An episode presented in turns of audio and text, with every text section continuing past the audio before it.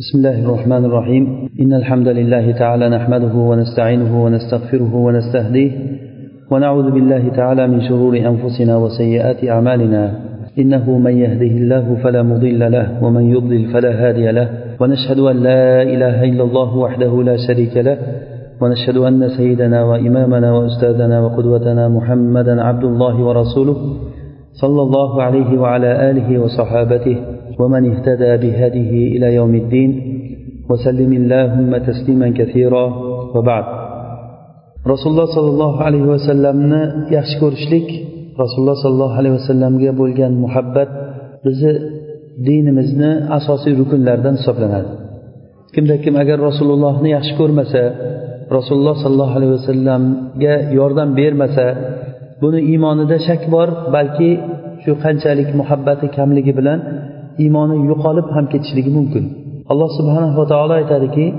قل إن كنتم تحبون الله فاتبعوني يحببكم الله ويغفر لكم ذنوبكم ayting ey muhammad sollallohu alayhi vasallam agarda sizlar ollohni yaxshi ko'raman deydigan bo'lsanglar menga ergashinglar degan ya'ni alloh subhanahu va taoloni yaxshi ko'rishlik bu rasululloh sollallohu alayhi vasallamga ergashishlik bilan ifoda qilinadigan narsa bo'ldi hattoki shu darajagacha chiqdiki rasulullohni yaxshi ko'rishlik bu dinimizda anas ibn molik roziyallohu anhu rivoyat qilganlari kabi buxoriy rahimaulloh rivoyat qilgan hadisda aytadilar rasululloh sollallohu alayhi vasallam aytdilar لا يؤمن أحدكم حتى أكون أحب إليه من والده وولده والناس أجمعين sizlarni birortalaring iymonli bo'lmaydi hattoki men uni otasidan bolasidan va jamiki insonlardan ko'ra uni qalbiga sevikli bo'lmagunimcha unga yaxshi ko'rilingan bo'lmagunimcha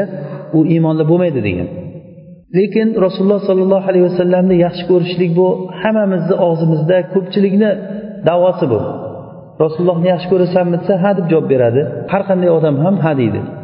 Qancha qancha odamlar bor omonatni davo qiladi lekin o'zi omonatlik emas.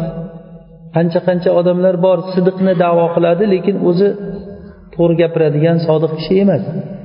Qancha qancha shijoatli odamlar bor lekin maydonga tushgan paytda undan ko'ra qo'rqoq odam bo'lmay qoladi. Xuddi shunday rasulullohni yaxshi ko'rgan kishilar yaxshi ko'raman degan kishilar qancha. Lekin bu ibrat davo bilan bo'lmaydi albatta ibrat ma'no bilan bo'ladi. Rasulullohga bo'lgan muhabbat bu bizni hayotimizni amaliy bir ko'rinishligi bo'lmasa men rasulullohni yaxshi ko'raman degan narsa quruq og'izda aytilinadigan bir davo bo'lib qoladi. Sahobalar xuddi mana shu narsada rasululloh sollallohu alayhi vasallamga ergashishlikda biz uchun hayotiy bir misolni ko'rsatib berdi. Rasulullohni yaxshi ko'rishlik hayotda amaliy bir yashash voqe ekanligini ular ko'rsatib berdilar. Chunki buni siri ular rasulullohni shogirdlari edi. Rasululloh sollallohu alayhi vasallam o'zidan oldingi jamiki payg'ambarlarni hammasini hidoyati rasululloh sollallohu alayhi vasallamga berilingan alloh subhanava va taolo o'n sakkizta payg'ambarni zikr qilib kelgandan keyin aytadiki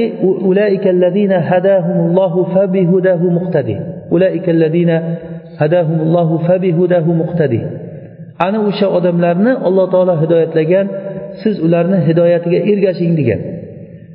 Qaysi bir payg'ambarni masalan bir xislati to'g'risida qur'onda maqtab o'tadi? Masalan ayub alayhissalomni sabri haqida e, yoki ibrohim alayhissalomni masalan tavhidda turib yurganliklari haqida.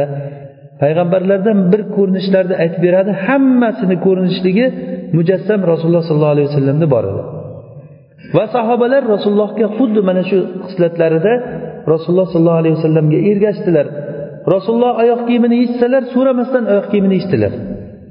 Rasululloh uzuk taquvdilar uzuk taqdilar rasululloh uzuklarni yechib tashlagan paytda eshitib tashladilar nima uchun taqdingiz nima uchun eshitdingiz nega bunday qilyapsiz deb hech so'ramadilar. Namozda turgan holatda rasululloh oyoq kiyimlarini yechsalar hammalari birdaniga oyoq kiyimni yechdilar namoz tugagandan keyin rasululloh nega hammalaring oyoq kiyimlaringni yechdilaring deb so'rasalar siz eshitdingiz biz ham eshitdik ya rasululloh. deyishganda rasululloh aytdilarki menga jibril xabar berdiki meni oyoq kiyimimda najas bor ekan. Shuning uchun yechdim men dedilar. Sahobalar so'ramadilarki nimaga yechdi ekan rasululloh deb. Siz yechganligingiz uchun yechdik dedilar. Ya'ni sahobalar rasulullohni yaxshi ko'rishlik ular uchun hayotdagi bir voqeiy ko'rinishlik bo'lgan. Rasululloh sollallohu alayhi vasallam hijrat qilish paytlarida sahobalarga izn berdilar madinaga hijrat qilib ketishlikka. Shunda abu bakr ham hijrat qilaman degan paytda rasululloh abu bakrga siz shoshmay turing balkim sizga bironta hamroh chiqib qolar dedilar. Ya'ni birga ketamiz demadilarda balkim bir hamroh chiqib qolar sizga degan. Keyin bir kuni abid nima paytda? Tushlik paytlarida issiq paytda rasululloh u payti kelmaydigan bir vaqtlarda abu bakrni uyiga keldilar. Abu bakrni uyiga kelib uydagi kishilarni chiqarib tashqariga chiqarib yuborgan xos gap bor. Deganda abu bakr aytdiki rasululloh bu ahl sizni ahlingiz. Nima bo'lsa gapiravering deganda rasululloh sollallohu alayhi vasallam menga robbim izn berdi hijratga chiqishlikka deb aytdilar. Shunda abu bakr roziyallohu anhu birga chiqamizmi deganda rasululloh ha birga chiqamiz dedilar. Buxoriy rahimaulloh rivoyat qilgan hadisda oysha roziyallohu anhu aytadilarki men hayotimda xursand bo'lib yig'lagan kishini o'sha payt ko'rdim degan. Ya'ni rasululloh sollallohu alayhi vasallam bilan birga hijrat qilishlik nasib qilganligiga abu bakr xursand bo'lib yig'ladilar va rasululloh bilan birga hijrat qilib savr tog'iga qarab chiqdilar. Ibn qayim zadil muatda rivoyat qiladilar va bayhaqiy dalailda abu bakr rasululloh bilan ketish paytlarida bir payti rasulullohni orqa tarafida yursa yana ozroqdan keyin yugurib oldiga o'tib olar ekan. Yana ozroqdan keyin orqaga o'tib olar ekan. Shunda rasululloh nimaga bir bir oldinda bir orqada yurasiz deb so'rasa oldingizga o'tsam orqadan dushman kelyaptimi? deb esimga tushib ketadi. Keyin orqaga tushaman orqaga o'tsam oldinda birorta bir pistirma sizga bir zarar bo'lib qolarmikan men birinchi yurib rasulullohga yo'l ochib yurayin deb oldinga o'taman degan. Hattoki eng muhabbatni komil ko'rinishligini g'orni oldiga borgan paytlarida g'orga kirish paytlarida shu abu bakr to'xtang ya rasululloh deb o'sha u paytlar bilasizlar toshda g'orni ichida hech kim yashamagan g'orda ilon bo'lishligi aniq edi. Mana shunday bir xatarli joyga o'zini urib abu bakr kirib ketgan. Kirib hamma joyni qo'li bilan paypaslab urib chiqqan. Birorta bir rasulullohga ziyon bo'layotgan narsa bo'lmasin deb. Mana bu odamlar men rasulullohni yaxshi ko'raman desa demasa ham o'zi bilinib turibdi. Rasulullohga bo'lgan muhabbatni sahobalar mana shunday bir amal bilan ko'rsatib berishgan. Sad ibn muoz roziyallohu anhu ibn hishom siyrasida rivoyat qilgani kabi aytadilarki sad ibn moz rasulullohga aytgan ekanki ey rasululloh bizni mollarimiz hammasi sizni oldingizga fido degan. Molimizdan xohlagan narsani oling xohlagan narsani qo'ying ollohga qasamki siz olgan narsangiz sizni qo'yib qo'ygan narsadan ko'ra bizga yaxshiroq degan. Bizni dengizga to'g'irlab qo'ying dengizga kirib ketamiz degan. Olloh sizni qayerga buyurgan bo'lsa sayr qilishlikka o'sha joyga to'g'irlang biz o'sha tomonga qarab yuramiz degan. Mana bu sad ibn mozni bitta sahobiyni rasululloh sollallohu alayhi vasallamga ko'rsatgan fidoyiligi ishi. Boshqa sahobalar hammasi shunaqa odamlar bo'lgan ular. Uhud jangi paytida mana tolhani abu tolhani qilgan ishini hammamiz necha martalab eshitdik. Hatto rasulullohni oldiga o'tib ko'kragini to'sib turgan ekan ey rasululloh meni ko'ksim sizni ko'ksingizga fido deb. Abu dujani orqasidan kelib turib rasulullohni orqasidan kelayotgan kamon o'qlari kelgan paytda orqasini tutib turgan ekan kamonga. Ya'ni bunaqangi holat yer kurrasi bunaqangi fidoyilikni ko'rmagan. Hatto ayollar bani dinor qabilasidan bir ayol uhud jang uhud g'azoti tugagan paytda hamma o'liklarni yig'ishtirib jarohatlarni baylab shunaqa holat bo'lib turgan paytda haligi ayol kishi kelar ekan. Rasulullohga nima bo'ldi deganda seni otang akang va ering shahid bo'ldi deb xabar berar ekan. Shunda rasululloh so'rayapman men rasulullohga nima bo'ldi? der ekan yana. Rasululloh yaxshilar deganda ko'rsatinglar degan. Rasulullohni ko'rsatganlarida mana sog' omon rasululloh deganlarida bo'ldi rasulullohdan keyin boshqa musibat menga yengil degan ekan. Ya'ni ayol kishilarni shunchalik darajada fidoyiligini ko'rib ana shundan biz bilamizki rasulullohga bo'lgan muhabbat mana shunday bo'lishi kerak ekan. Hatto yosh bolalargacha.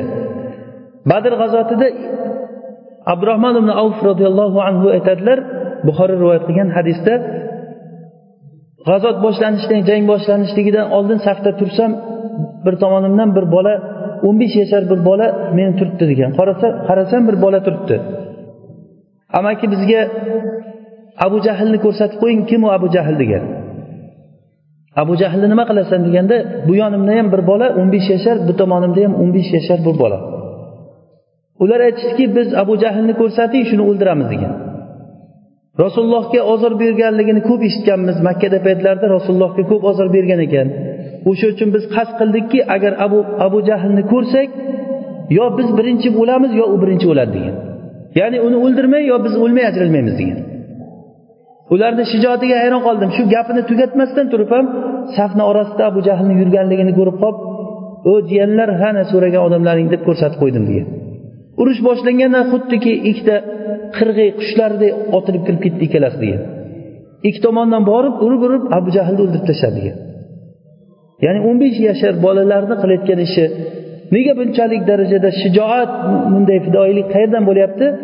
Rasululloh sollallohu alayhi vasallamga bo'lgan muhabbatdan kelib chiqyapti bu narsa. Rasulullohga bo'lgan muhabbat mana shunday amaliy bir ko'rinish bilan bo'ladi. Buxoriy rahimaulloh va muslim rivoyat qiladilar sahihaynda. Abu hurayra roziyallohu anhudan rasululloh sollallohu alayhi vasallam aytdilarki inna min ashaddi ashaddi ummati li hubban. Ya'ni ummatimni meni eng yaxshi ko'ruvchiroqlari rojulun yatamanna أن يراني bi ahlihi بأهله وماله.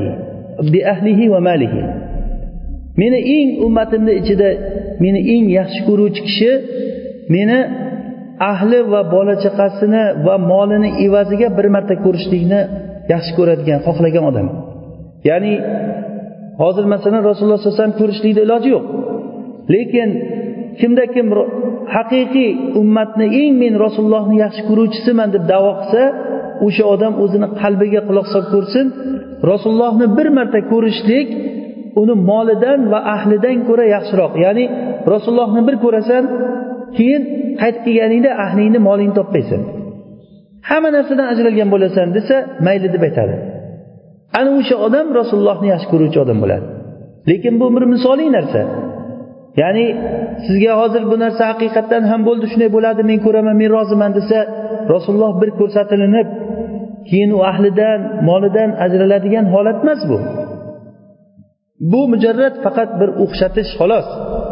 Lekin bu narsani voqeda biz ko'rsatib bera olishligimiz kerak. Bizni ahlimizdan ko'ra bizni moli dunyomizdan ko'ra rasululloh yaxshiroq bo'lishi kerak.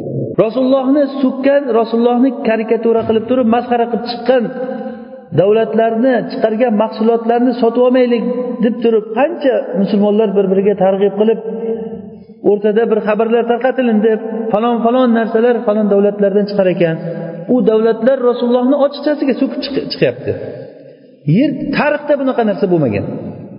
Tarixda rasululloh da'vat qilib chiqqanlaridan keyin islom o'zini oyog'iga turgandan keyin bu narsa bo'lmagan hozirga kelib bo'ldi bu narsa. Chunki rasulullohni himoya qiladigan odam qolmaganligi uchun. O'shalarni chiqargan narsasini sotib olmanglar desa ozroq sotib olmay turib turib keyin yana sotib olish boshlandi. Hech kim e'tibor bermaydi bu narsaga. Vallohi agar o'sha odamlarni otasi yo onasini so'kkanda edi o'sha odamlar bir umr o'sha narsasini sotib olmasdi. O'shalarni bir umr o'ziga dushman qilib tutib olgan bo'lardi o'sha odamlar. Lekin holbuki mana mana shu holatda turibmiz. Mana shu narsa bizga mezon bo'ladi. Ya'ni rasulullohga bo'lgan muhabbatimiz bizni qalbimizda buni tarozisi mana shunday o'lchanadi. Masalan eng boy kishiga hamma boyligingni ajralasan. Farzandlaring nechta bo'lsa hammasidan ajralasan. Lekin buni evaziga senga bo'layotgan narsa rasulullohni bir ko'rasan desa roziman deb aytadi. Lekin bu narsa bir yana takror aytamiz bir misol bir o'xshatishlik xolos. Lekin rasulullohga bo'lgan muhabbat rasululloh sollallohu alayhi vasallamni yaxshi ko'rishlik bu voqeda amal bilan bo'ladi. Imom ahmad va darimiy rivoyat qiladilar. Jobir roziyallohu anhudan e, bunda ba'zi bir biz uchun bir rasululloh bilan birga sahobalarni yashashlikdagi bo'lgan holatlardan ibratlar bor. Jobir ibn abdulloh roziyallohu anhu bu rivoyatni buxoriy rahimaulloh o'zini sahihida bir qancha joylarda keltirgan. Ya'ni lekin buxoriyni rivoyatida kelgan rivoyatlari to'liq emas. Shuning uchun ham imom ahmadni va dorimiyni sunanidagi e, rivoyatni o'qib beramiz va buxoriy rahimaulloh ya'ni ba'zi bir kerakli joylarni keltirgan xolos. Lekin hadis buxoriyda bor bo'lib bo'lib bo'lib keltirgan. Jobir ibn abdulloh roziyallohu anhu aytadilarki uhud jangiga chiqqan paytda musulmonlar uhud jangi boshlanishligidan oldin u otalari abdulloh ibn harom roziyallohu anhu o'g'lini chaqirib aytgan ekanki o'g'lim men shu urush boshlangandan birinchi shahid bo'luvchilardan bo'lsam kerak deb o'ylayapman degan. Lekin sen urushga qatnashmay turuvchilarni ichida turishligingni yaxshi ko'raman degan. Ya'ni urushni nimalardan biri e, nizomlardan biri ba'zi bir toifalar urushga qatnashmasdan urushni kuzatib turadigan bir odamlar bo'lar ekan. Ya'ni kerak paytida urushga kirishlik uchun. Mana shu urushga kirmasdan turadigan odamlarni ichida turishligingni men xohlayman.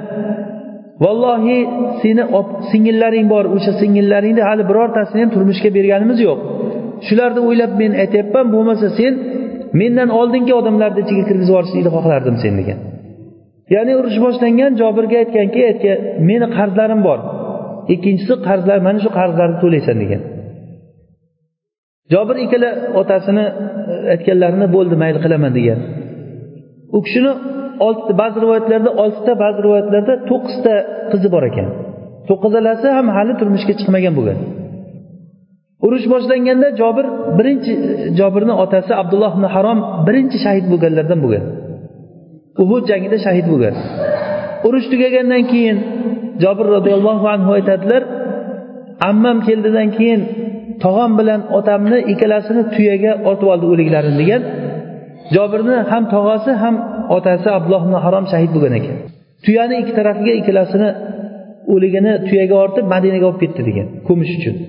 Shunda madinaga yetay deb qolgan paytda rasulullohni nido qiluvchisi jarchisi xabar berdiki o'likni orqaga qaytaringlar qayerda shahid bo'lgan bo'lsa o'sha joyda ko'milsin degan.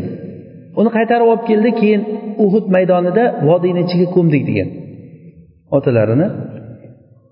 Keyin mana shu nimalarda ko'mgandan keyin e, muaviya roziyallohu anhuni xalifalik davrlarida ya'ni abdulloh ibn harom ko'milgandan keyin qirq yildan keyin bir kishi kelib aytadiki muaviya uhudni maydonini uhudda jang bo'lgan joyini ba'zi bir hojatlar uchun ya'ni kovlashlikka buyurdi degan.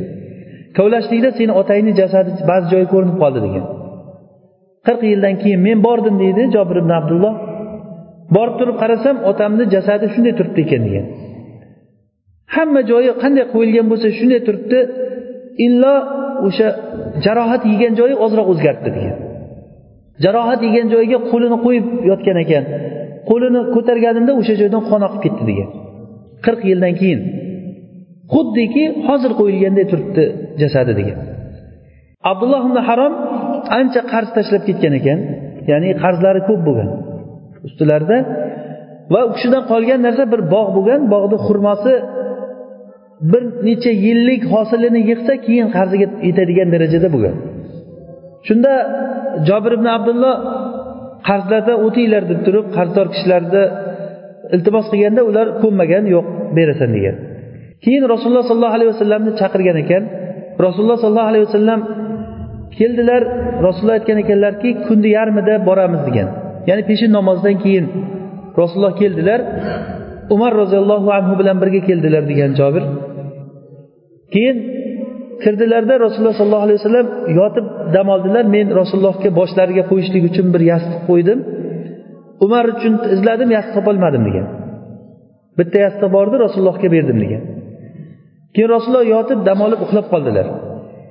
Jobir o'sha paytda chiqib tashqarida ayollariga aytgan ekanki rasululloh dam olyaptilar hech kim bezovta qilmasin rasulullohni deb o'g'liga aytgan ekanki rasululloh turgunlaricha tez bir qo'yni so'yib tayyor qilgin degan o'zi qarzdor kishi bo'lgan lekin rasulullohni yaxshi ko'rganligidan rasululloh go'shtni yaxshi ko'rganligini bilganligi uchun ham qo'yni so'yib rasululloh uyqudan uyg'onsalar toratga suv so'raydilarda toratga mastga ketib qoladilar. Shuning uchun tezroq tayyor qilishimiz kerak deb turib qo'yni so'yib pishirib tayyor qilib turgan. Xuddi aytganidek rasululloh uyqudan tursalar turib suv olib kelishlikni buyurdilar torat qildilar. Torat qilgandan keyin masjidga ketamiz deganlarida rasul keyin taomni olib kelib qo'ygan. Shunda rasululloh aytdilarki biz go'shtni yaxshi ko'rishimizni bilasan a deb qo'ydilarda abu bakrni chaqirib kelishni buyurdi menga degan. Ya'ni umar o'zlari bilan birga edi. Bor abu bakr chaqirib kel degan keyin borib abu bakrni chaqirib keldim. O'tirib go'sht yedilar degan. Ya'ni biz aytmoqchi bo'lgan joyimiz o'sha qissadan e, o'zlari qarz bo'lgan holatda ham rasululloh sollallohu alayhi vasallamni yaxshi ko'rgan narsalarini shu borini so'yib rasulullohni oldiga olib kelib qo'yganligi keyin rasululloh taomlanib bo'lganlaridan keyin chiqib ketish paytida eshikni oldiga borganlarida jobirni xotini borib turib ey rasululloh menga va erimni haqqiga duo qiling dedilar. Shunda rasululloh sollallohu alayhi vasallam duo qildilar. Senga va oilangga alloh taoloni salovatlari bo'lsin deb turib bir go'zal duo qildilar. Ba'zi rivoyatlarda aytiladiki jobir aytgan ekanki xotiniga sen rasulullohga borib duo qiling deb so'ramasang ham rasululloh sollallohu alayhi vasallam hech taomni yeb bizni uyimizga kirib mehmon bo'lib duo qilmay chiqib ketadi deb o'ylaysanmi degan. Aytmasang ham rasululloh duo qiladilar degan. Rasulullohni xulqlari shunaqa bo'lgan ekan. Qaysi bir uyga borib taom yesalar albatta o'sha uyni ahliga duo qilganlar. Hatto ba'zi rivoyatlarda keladi madinada bir esipas qiz bola bor ekan. Ya'ni majnuna bo'lgan. Shu ba'zan rasulullohni yo'lda ko'rib qolsa yugurib kelib rasulullohni qo'lida ushlab olib turib yetalab olib ketaverar ekan.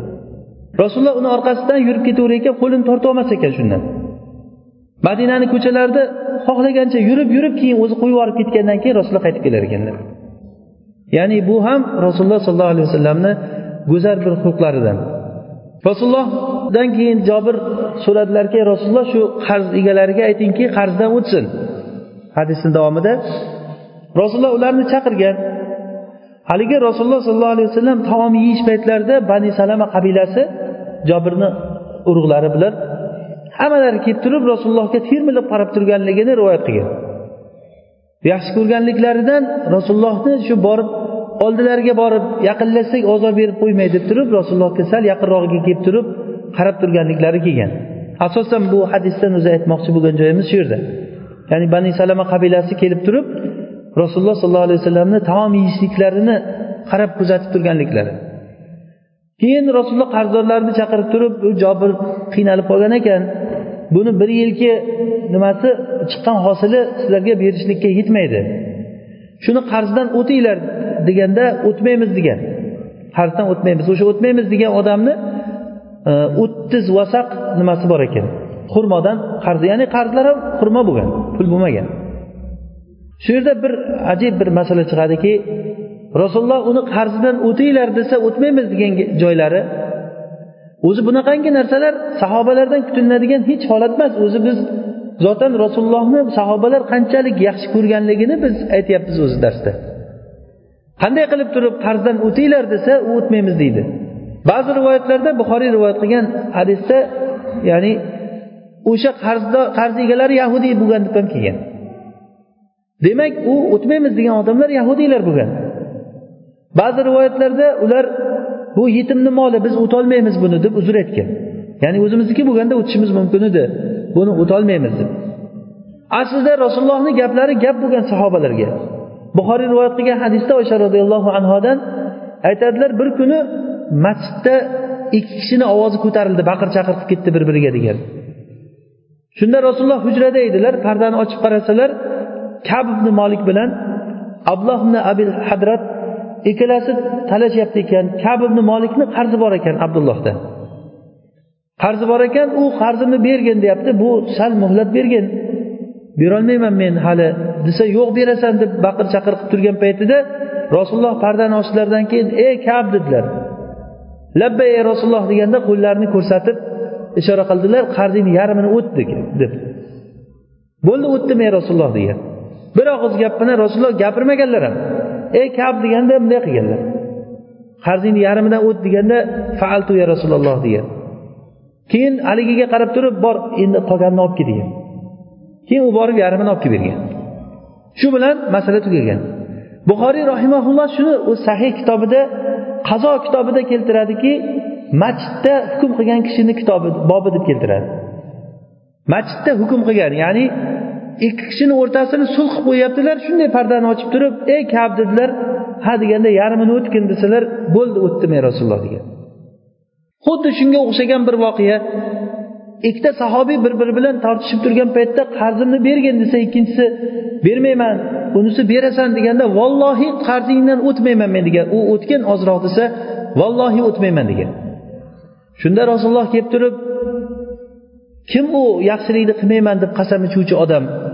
Qaysi birlaring deb so'rasalar men ey rasululloh bo'ldi nima desangiz shu degan. O'tdim qarzimdan o'tib yubordim degan. Ya'ni rasululloh sollallohu alayhi vasallamni uni qasam ichishligiga inkorlarini ko'rib rasulullohni holatlarini ko'rib rasulullohni rozi qilishlik uchun birdan o'tib yuboryapti bunaqangi voqealar sahobalarni hayotiga biz qaraydigan bo'lsak juda ham ko'p holatlarni biz uchratamiz. Keyin qarzlardan o'tmadi ular. Qarzdor odamlar rasululloh sollallohu alayhi vasallam keldilardan keyin bog'ni aylanib bir aylanib ko'rib chiqdilar hamma joyini aylanib ko'rib bo'lganlaridan keyin jobirga aytgan ekanki bog'ni hosilini yig'ishtirgin. Hosillarni uzib hamma xurmo navlarini alohida alohida qilib turib bir biriga qo'shmasdan alohida alohida qilib qo'ygin degan. Uzib bo'lganingdan keyin meni chaqir degan. Hamma xurmoni navlarini alohida alohida qilib uyib hamma hosilni uzib bo'lgandan keyin rasulullohni chaqirgan. Rasululloh aytdilarki bor endi qarzdor kishilarni qarzi borlarni chaqir degan. Hammasini chaqirib kelgan eshaklarni ustilariga katta savatlarni qo'yib keldi hammasi degan. Shunda rasululloh bismillah o'lchab berishni boshladi degan. O'lchab berganlar vallohi bitta ham tamra bir xurma ham kamaymadi degan. Haligi xurmadan bitta ham kamaymadi. Ba'zi rivoyatlarda rasululloh sallallohu alayhi vasallam uni oxirigacha kuzatib turmasdan ketgan ekanlar keyin rasulullohni oldiga bordim masjidga. Ey rasululloh shunaqa bo'ldi.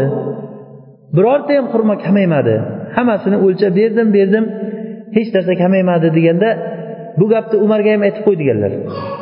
Shunda umarni uchratib umarga shunaqa bo'ldi desa men o'zi bilardim rasululloh seni bog'ingda yurgan paytda biluvdim shunday bo'lishini degan. Ya'ni bu buxoriy rahimaulloh xuddi shu hadisni qarzdor bo'lib turib qarzini uzaman deb yurgan odamga olloh baraka berishligi degan bobda keltiradi.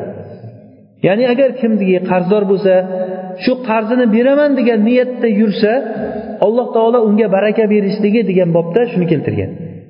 Rasululloh sollallohu alayhi vasallam bir kuni jihoddan qaytib kelish paytlarida jihoddan bir jihod bu ham buxoriy rahimalloh rivoyat qilgan hadisda bu imom ahmadni e, musnadida bor. Rasululloh sollallohu alayhi vasallam jihoddan qaytib kelayotgan paytlarida jobir roziyallohu anhu aytadilar meni tuyam judayam charchab holdan toyib yurishlikka yaramay qoldi degan. Tuyam yurishlikka yaramay qolgandan keyin qavmni orqasida qolib ketdim degan. O'zi jihodga chiqqan paytlari ilgarilari bir qancha kunlab ketgan. Odamlar safarlarda yurib charchagan keyin madinaga qaytib kelish paytlarida iloji boricha tezroq ketishga harakat qilgan. Bola chaqasini oldiga uyiga shoshilib ketib qolgan. Lekin rasululloh sollallohu alayhi vasallamni sunnatlari odoblari rasululloh doim qavmni orqasida yuradilar.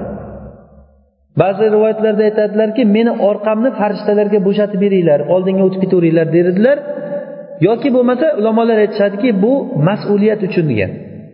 Ya'ni qavmni eng oxirida yurib qavmni qolib ketgan tushirib qo'ygan narsalarini olishlik uchun yoki birozda bir charchab yiqilib qolib ketgan bo'lsa o'shanga yordam ko'rsatishlik uchun rasululloh orqadan yurardilar degan. Orqada kelib qolib keyin jobirni tuyasi yurmay judayam o'zi tuya charchab qolgan ekan.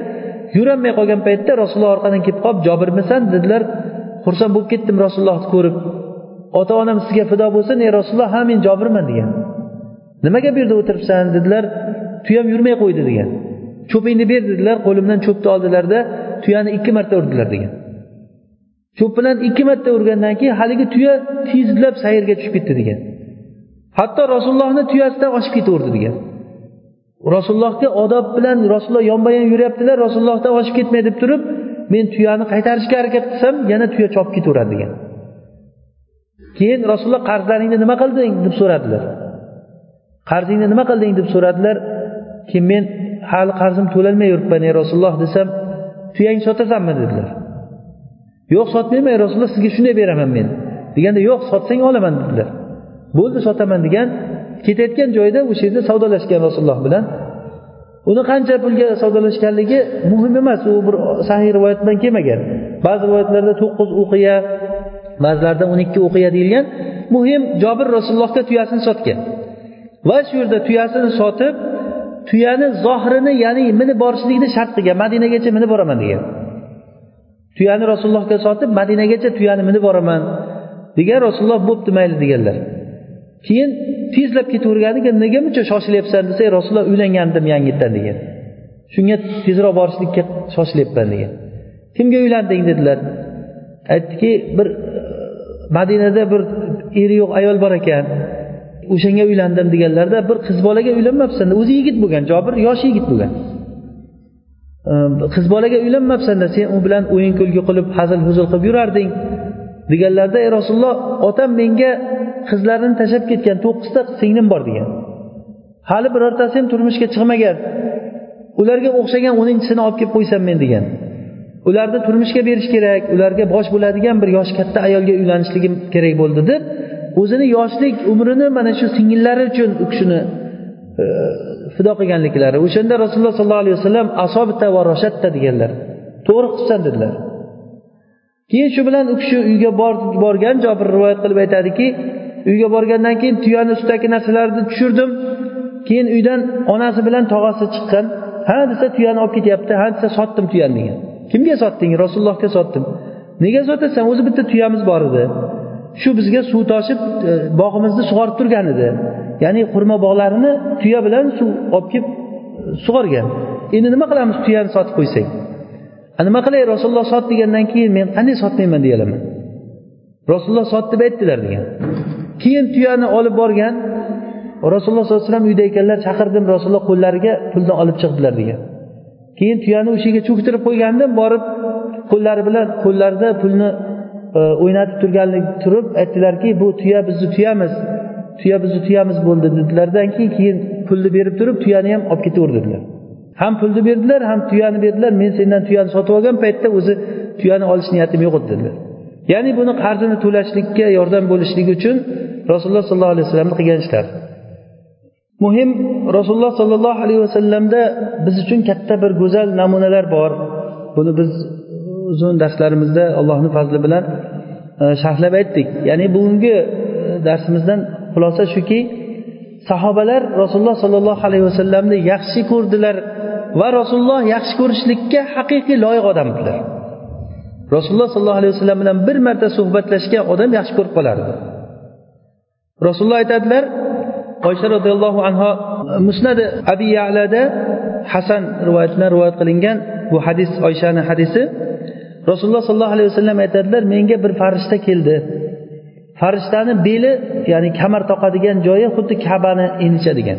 Shunchalik katta bir gavdalik bir farishta keldida menga aytdiki alloh taolo sizni ixtiyor qildirdi. Podshoh payg'ambar bo'lishligingiz bilan qul payg'ambar bo'lishligingizni o'rtasida degan. Ya'ni xohlasangiz podshoh payg'ambar bo'lasiz xohlasangiz qul payg'ambar bo'lasiz deb farishtani o'zi qo'li bilan bunday bunday qildilar. Ya'ni qullikni tanlang degan ma'noda. Ya'ni farishta rasululloh sollallohu alayhi vasallamga nasihat berish o'ziku farishtani vazifasi rasulullohga ixtiyor berishlik. Ixtiyor ya'ni siz xohlasangiz podshoh bo'ling o'shanda alloh taolo mulk beradi. Kerak bo'lsa o'sha nimani uhud tog'ini tillo qilib beraman deb ham alloh taolo bir farishtani jo'natgan. Uhud tog'ini tilloga aylantirib qo'yaman. Agar rasululloh xohlaganlarida mana shunday payg'ambar bo'lardilar. Shunda haligi farishtani o'zi aytib turib rasulullohga podshoh bo'lgan payg'ambar bo'lasizmi yoki qul payg'ambar bo'lasizmi? deb quli bilan pastga bosdilar. Shunda rasululloh men qul payg'ambar bo'laman dedilar. Rasululloh sollallohu alayhi vasallam haqiqiy qul edilar ya'ni ollohga qul bo'lgan qul edilar.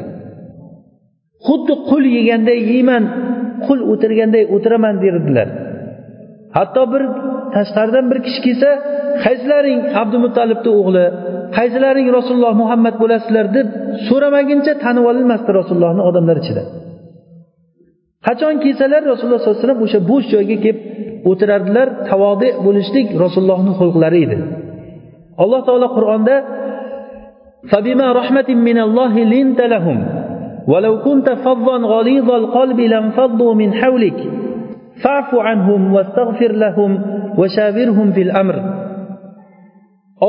Rahmati bilan siz ularga muloyim bo'ldingiz.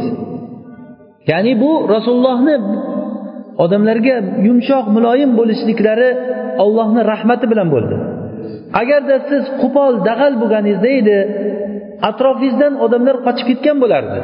Shuning uchun ham siz odamlarni kamchiliklarini kechiring afu qiling. Fafu anhum vastag'fir lahum ular uchun ollohdan istig'for so'rang gunohlariga. Va siz bilan ularni o'rtasida bo'lgan kamchiliklar bo'lsa kechirib yuboring hammasini. Olloh bilan o'rtalarida bo'layotgan bo'lsa ularga istig'for so'rang ollohdan ular uchun. Va ishlarda ular bilan maslahat qiling dedilar. Mana bu olloh subhanava taoloni rasulullohga bergan ta'limoti bu. Ollohni rahmati bilan rasululloh shunday yumshoq bo'ldilar.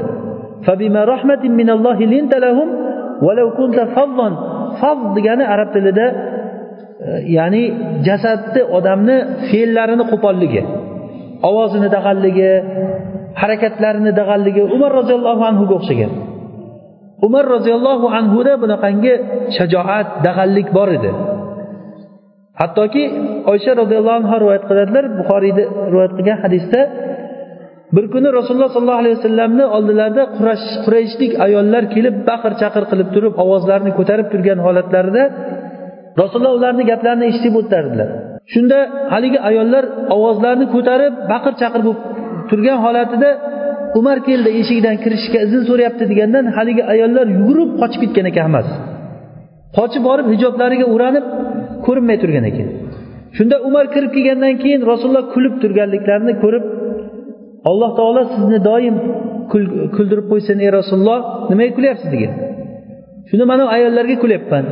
Meni oldimda ovozlarini ko'tarib turuvdi hammasi. Umar keldi degandan keyin hammasi qochib ketdi. Degandan keyin umar shunday ayollar tarafga qarab e o'zlarini dushmanlari degan ekan. Mendan qo'rqishasanu rasulullohdan qo'rqishmaysanmi senlar? degan. Shunda ayollar aytgan ekanki yo'q rasululloh yumshoq odam. Sen bo'lsa dag'alsan sendan qo'rqamiz degan. Shunda rasululloh aytdilarki voy shoshmagin ey ibn hattob sen yurgan ko'chadan shayton ham yurolmaydi degan.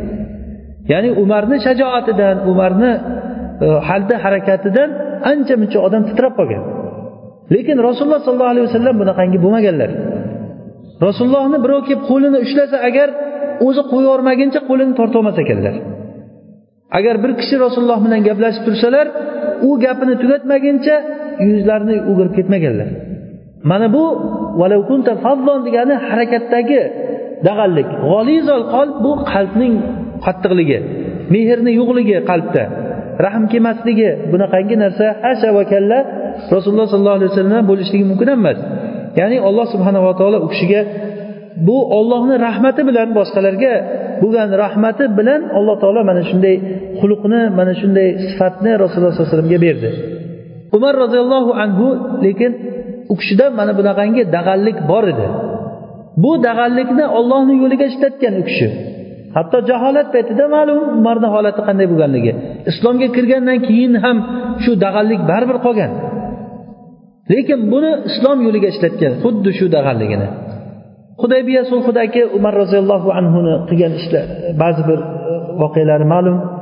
Badrda asr bo'lib tushgan kishilarda badrda asr bo'lib tushgan odamlarni nima qilamiz? Mushriklardan yetmishga yaqin kishi asr bo'lib tushdi. Shunda asrlarni nima qilamiz deganda abu bakr roziyallohu anhu maslahat berdilarki ey rasululloh ular bizni hammasi qarindoshlarimiz bo'ladi. Ular jaholat bilan bizni qo'limizga mana shunday aylanib kelib tushdi. Ularni kechiring. Ulardan har bittasidan fidya olaylik pul olaylik. O'sha pulni islomni quvvatiga sarflaylik. Deb maslahat berdilar. Keyin sen nima deysan? Ey umar deb so'raganda umar aytdiki rasululloh ular ollohni dushmanlari ollohga urushib hatto maydonga chiqib bizni qo'limizga tushdi degan. Oxirgi paytigacha kurashdi degan. Ular mahkum o'limga mahkum bo'lgan odamlar ularni o'ldiraylik. O'ldirganda ham siz aliga o'zini amakisi abbosni bering o'ldirsin degan. Va boshqa boshqalarga kimni qarindoshi bo'lsa o'zini qarindoshiga bering o'zini qo'li bilan o'ldirsin. Hattoki alloh taolo va mo'minlar va boshqalar bilsinki bizni qalbimizda kufrga nisbatan umuman muhabbat yo'qligini bilsin hamma degan shunda rasululloh sollallohu alayhi vasallam umarga ham maqtov aytdilar seni misoling xuddi nuhni misoliga o'xshaydi. Nuh ollohga duo qilib aytgandi robbi la tazar alal ardi minal kafirina dayyara. Ey robbim yerda kofirlardan birortasini ham qoldirmagin yerda deb duo qildilar va seni misoling ey abu bakr xuddi ibrohimga o'xshaydi ibrohim alayhissalom otalarini haqqiga istig'for so'radi ومن تبعني فإنه مني ومن عصاني فإنك أنت الغفور الرحيم deb ibrohim alayhissalom ollohga duo qildiki kim menga ergashgan bo'lsa u mendan meni jamoatim u menga osiy bo'lganlarni o'zing kechirgin dedilar ibrohim alayhissalom Abu bakrni holatini um-, ibrohim alayhissalomga o'xshatdilar. Umarni holatini bo'lsa nuh alayhissalomga o'xshatdilar. Ikkalasiga ham maqtov aytdilar rasululloh. Va lekin abu bakrni maslahatini oldilar va badrda asir tushganlardan fidya oldilar va shu bilan ozod qildilar ular. Fidyasini olib. Keyin alloh taolo oyat tushirdi umarni aytganini qilish kerak edi. Shunda rasulullohni qalblariga bu juda ham qattiq tekkan ekan. Hattoki shu oyat tushgan paytda rasululloh yig'lagan ekanlar. Agarda osmondan bir balo tushsa faqatgina umar najot topardi hammamiz halok bo'lamiz degan. Ya'ni payg'ambar kishi qo'lidagi asrlarni hammasini dushmanni tormor qilmaguncha uni asrlarda ushlab turishligi mumkin emas. Sizlar dunyoni matosi uchun istab shunday qildinglar turiduna dunya vallohu yuridul sizlar dunyo matosini xohlaysizlar olloh bo'lsa oxiratni xohlaydi deb tanbeh oyati tushdi. Ya'ni shu joyda umar roziyallohu anhuni bergan maslahati to'g'ri edi. Rasululloh sollallohu alayhi vasallam yumshoqliklari ya'ni qancha gapirsak bu ba'zi bir misollar nimasida aytamiz. Hotibni abi baltaa hotibni abi baltaa roziyallohu anhu badrga qatnashgan badriy sahobalardan. Bu kishi qurayshdan emas qurayshni asli o'zi qurayshni xalqidan emas chekkadan kelib qolgan kelgindi kishi. Biz tilimiz bilan aytganda kelganda odam. Keyin u kishi musulmon bo'lib hijrat qilib ketgandan keyin bola chaqasi nimada qolib ketgan? Makkada. Rasululloh makkaga urush qilamiz deb turgan paytlarida ollohga duo qildilarki ey robbim bizni xabarimizni makka ahlidan o'zing yashirgin ular eshitmasin bizni borishimizni dedilar. Shunda jibril xabar olib keldiki xabar ketdi bir ayol xabar olib ketdi deb makka mushriklariga tayyorlaninglar sizlarga qarshi rasululloh boryapti degan mazmunda xat ketdi. Ali bilan zubayrni chaqirib rasululloh aytdilarki sizlar falon joydagi bir suv bor o'sha suvni oldiga borsanglar u yerda bir joriyani uchratasizlar. Cho'ri ayol ya'ni. O'shanda bir xat bor olib kelinglar dedilar. Ali roziyallohu anhu bordilar. Zudlik bilan o'sha aytgan rasululloh aytgan joyga borsalar suv bor joyda o'sha yerda bir joriya turgan ekan. Ali aytdiki xatni ber dedi. U joriya aytdiki menda yo'q xat hech nima yo'q deganda yo berasan yo hozir kiyimlaringni yechib tashlaymiz degan shunda haligi joriya bildiki ular aniq bilar ekan deb sochini orasidan bir xat chiqarib bergan. Shunda xatni olib kelib rasulullohga bergan.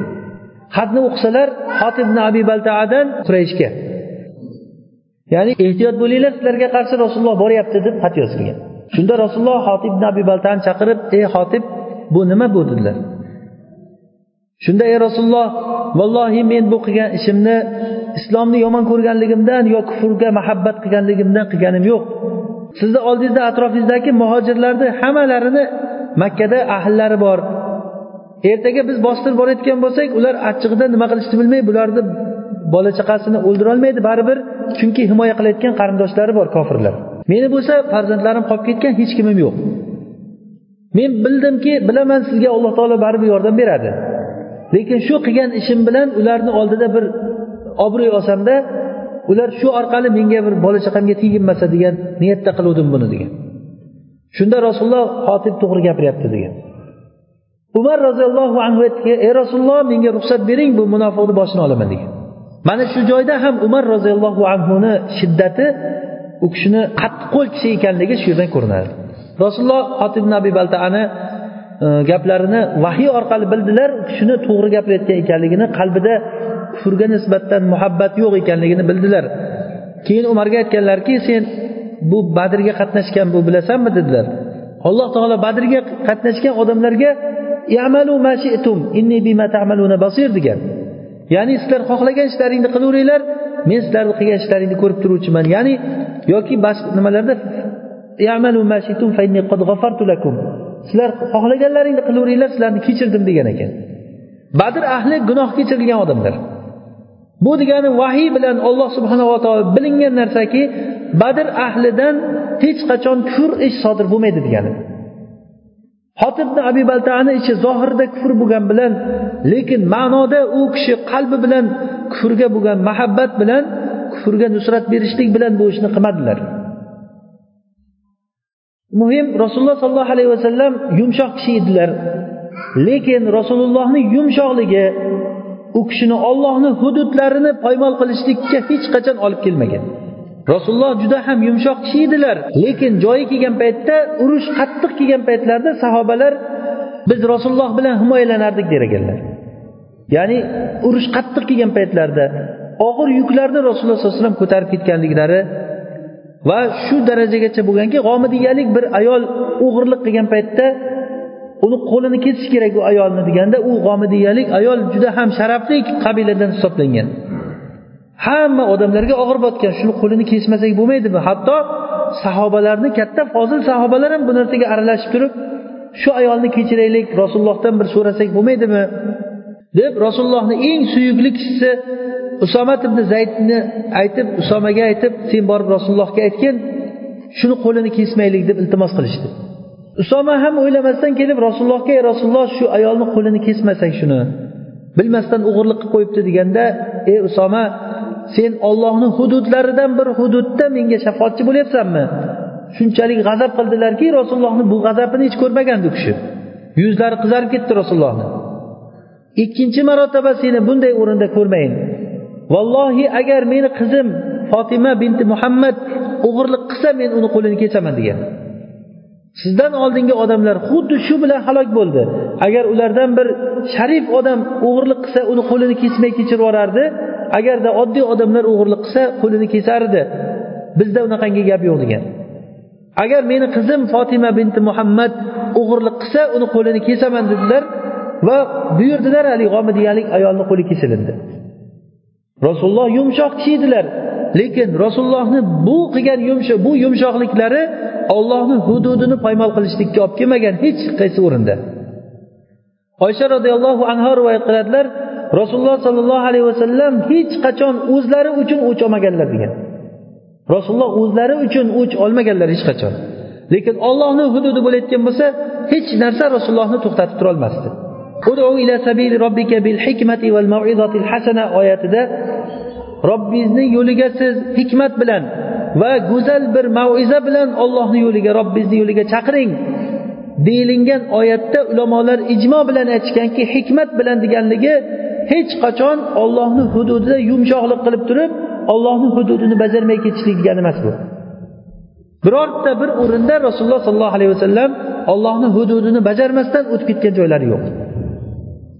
Sad ibn ibrohim rahimaulloh bu kishi imom molikni shayxlari robiyat ibn abi abdurahmon mana shu kishilar e, zamonasida yashagan kishilardan.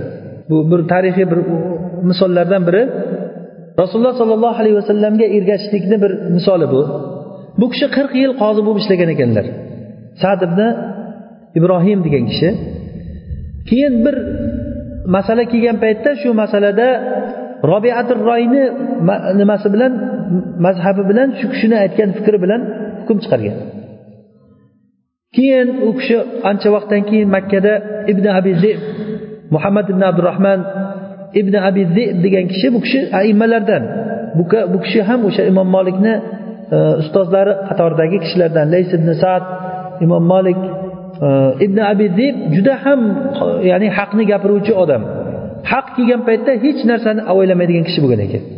Hatto imom ahmaddan so'ralinganda imom molik bilan ibn abi zibni ikkalasini agar yonma yon qo'ysa nima deysiz deyilganda ibn abi zeb haqni imom molikdan ko'ra aytuvchiroq deb aytgan. Ya'ni hech qachon haqni aytishlikda to'xtamaydigan odam ekan. Hatto bir marta e, abu jafar mansurni oldiga kirgan ekan. Abu jafar mansur bu umaviylarni xalifalaridan judayam qattiqqo'llik bilan tanilingan xalifa bo'lgan. Oldiga kirib turib aytgan ekanki seni bu xalifalikda o'tirganligingni sababchilari muhojirlar bilan ansorlarni to'kkan qoni o'shalarni qilichlari bilan sen shu yerda o'tiribsan degan. Muhojir va ansorlar qilgan mehnatini evaziga shu yerda o'tiribsan endi hozir seni eshigingni tagida muhojir ansorlar ochdan o'lyapti seni oldingga kirolmasdan degan. Qanaqa odamsan sen deb turib xalifaga kirib gapirgan ekan. Imom ahmad o'sha holatini maqtab aytganki u xalifaga kirib abu jafarga shunday degan abu jafarga ya deb qo'ygan ekan. Ya'ni abu jafar judayam bir e, qattiqqo'llik bilan tanilingan odam bo'lgan. Ibn abi zeb qisqasi mana shunaqangi kishi bo'lgan ekan. Haligi sad ibn ibrohim bilan makkada makkada ikkalasi gaplashib o'tirgan paytlarida bu kishi aytgan ekanki men bir masala bo'lib qoldi. Shu masalada robiatur royni fikrini olib turib men hukm chiqardim. Deganda sen bunda rasulullohni sunnatlariga xilof qilibsan nega deganda rasululloh sollallohu alayhi vasallamdan bir hadis aytgan ekan. Haddasana fulan an fulan an fulan an rasululloh sollallohu alayhi vasallam deb rasululloh bu masalada senikidan teskaricha hukm chiqargan. Deganlarida bu kishi keyin robiyani oldiga qaytib borib madinaga robiyaga uchrashib aytgan ekanki siz aytgan mazhabingiz mana bu sunnatga teskari ekan. Shu sunnatga teskari bo'lgan narsa ekan shu hadisni borligini sizga bildirib qo'yyapman. Degan paytda u kishi aytgan ekanki sen endi qozi odamsan xatolaring ishtihod bilan bo'lgan. Bu narsa o'tib ketgan narsa endi. Deganda yo'q bu abadan bo'lmaydi. Men rasulullohni hadisini sad ibn ummi sad ya'ni meni o'zini onasini aytgan. Sad ibn ummi sadga hech qachon loyiq bo'lmaydiki rasulullohni gapiga teskari hukm chiqarishlik degan. Rasululloh sollallohu alayhi vasallamga ergashishlik rasulullohni yaxshi ko'rishlik degani bu faqat tilimiz bilan aytayotgan narsa bo'lmasligi kerak. Biz hammamiz tilimiz bilan agar rasulullohni bir ko'rsak hozir bo'ldi almashamiz bola chaqamizga uyimizga hamma narsaga dunyomizga almashamiz deyishlik oson narsa bu. Lekin maqsad u emas buni aytishlikdan maqsad. Maqsad rasulullohdan bir hadis kelgan paytda shu hadis rasululloh aytdi desa siz shuni joningizdan ham bola chaqangizdan ham molingizdan ham ustun qo'yolsangiz mana shu sizni isbotlaganingiz bo'ladi. Lekin olloh rahm qilgan odamgina bu ishni qila oladi. Sunnat ekanligini bilib turib amal qilmasdan mana shu narsa sunnat deyilsa bilaman sunnatligini lekin deb turib aylanib o'tib ketishligimiz bu rasulullohga bo'lgan muhabbatimizni yo yo'qligidan yo sustligidan bu narsa. Olloh o'zi hidoyatlasin hammamizni. Faqatgina bu narsa kalom bilan til bilan men yaxshi ko'raman rasulullohni deyishlik bilan bo'lmaydi bu. Bo'lmasa rasulullohni yaxshi ko'raman degan qancha qancha sufilar qancha qancha kishilar bor rasulullohga bo'lgan muhabbatlarini raqsga tushib ifoda qiladi. Voy bu rasulullohdan bo'lgan sunnatga to'g'ri kelmaydi bu. Rasulullohni sunnatlari bu emas desa sen rasulullohni yomon ko'rayotgan odamsan deyishadi. Mana bu johillikdan dinni to'g'ri tushunmaslikdan yoki bo'lmasa unga havoyi nafs aralashganligidan bo'ladi. Ba'zi kishilar mana shunaqangi rasulullohga salovatxonlik qilyapmiz deb yig'ilib o'tkazilingan narsalardan ba'zi kishilar manfaatdor bo'ladi. Ya'ni o'shandan tirikchilik o'tadi manfaatdor bo'ladi. Ularga havoyi nafs aralashgan. Ba'zi aksar odamlar bo'lsa johil avom odamlar dinini to'g'ri tushunmagan kishilar bular. Rasulullohga bo'lgan muhabbatini mana shunday qilib izhor qilmoqchi bo'ladi. Lekin biz bu shuncha misollardan bilaylikki rasulullohga bo'lgan muhabbatimiz amaliy voqeiy bir narsa bo'lishligi kerak. Bu faqatgina tilimiz bilan aytayotgan qalamimiz bilan yozadigan narsa bo'lmasligi kerak. Yuqorida aytgan hadisimizda robiyat ibn abi abdurahmon bu kishi katta fozil imom odam. Lekin rasulullohni sunnatiga qarshi nima chiqardi deganligimizdan bir narsa bizga noto'g'ri tushuncha kelib qolmasinki bir narsani bilaylik biz. Imomlar har qanday imom bo'lsin har qanday imom fozil imom bo'lgan taqdirda ham sunnatdan ba'zi bir narsalar u kishilardan chetlab o'tib ketgan holatlari bo'lgan. Har qancha fozil bo'lsa ham. Imom shofiy rahimaulloh risolasida risola bu usul fiqda birinchi yozilgan kitob. Abdurahmon ibn mahdiy imom abdurahmon ibn mahdiyni maslahati bilan imom shofiiy risolani yozganlar. Ya'ni abdurahmon ibn mahdiy aytdilarki imom shofiyga rasulullohni sunnatini tushunishlik uchun ba'zi bir qonunlarni yozib bergin ummatga degan. Shunda shofiy rahimaulloh risolani yozdilar. Unda xabar vohidni qabul bo'lishligi nosih mansux o'shanaqangi qoidalar yozib turib birinchi usul fiqda yozilingan kitob. Hozirgacha bor qo'lma qo'l o'qitilinadigan narsa. Nihoyatda zo'r teran ochiq oydin yozilgan kitob. O'shanda qisqasi imom shofiy rahimaulloh risolasida aytadilarki har qanday imom bo'lsin imomlardan hech bir kishidan ba'zi bir sunnatlar uni chetlab o'tib ketib qolgan holatini yo'qmas yo'q emas. Ya'ni imomlardan ba'zi bir sunnatlarni bilmay qolgan holatlari bo'lgan. Hatto abu bakr roziyallohu anhu u kishini oldilariga bir kampir kelib turib meni merosdan haqim nima? degan ekan. Meni nevaram o'ldi. Nevaramdan nima olaman men? deganda abu bakr men bilmadim. Nevaradan olinadigan haqingni senikini men bilmadim sahobalarimdan bir so'rashim kerak ekan. Deb turib sahobalardan so'rayman deganlarida u kishiga mug'irat ibn shuba bilan muhammad ibn maslama aytdilarki rasululloh sollallohu alayhi vasallamga shu masala bo'lgan paytda rasululloh sollallohu alayhi vasallam bu momoga ya'ni jaddaga sudus oltidan birini bergan edi. Nevarasi agar vafot etgan bo'lsa uni agar katta enasi deymizmi? Ya'ni otasini onasi. O'sha bo'layotgan bo'lsa shunga oltidan birini bergandi deganda uni chaqirib oltidan birini bergan ekan. Abu bakr mana shu masalani eshitmagan bo'lgan. Umar roziyallohu anhuda ham bo'lgan bu masalalar usmonda umardan ko'ra ko'proq bo'lgan alida usmondan ko'ra ko'proq bo'lgan va va va kelavergan. Rasulullohdan lekin abu bakrni mana shu jaddani masalasidan boshqa masalada bilmay qolgan degan narsasini eshitilinmagan. Ular ustozlarimiz aytadiki buni bilmayman men boshqa masalada degan. Lekin sahobalar keyin umar bo'lsin usmon ali undan keyingi imomlar mazhabdagi imomlar bularni har qaysisini oling masalani yuz foiz hammasini qamrab oldi deyolmaysiz hech qaysi imomni har qanday fozil imom bo'lsin bir nimadir chetlab o'tgan bo'lishligi mumkin. Shuning uchun ham buni yaxshi biz bilib olishligimiz kerak.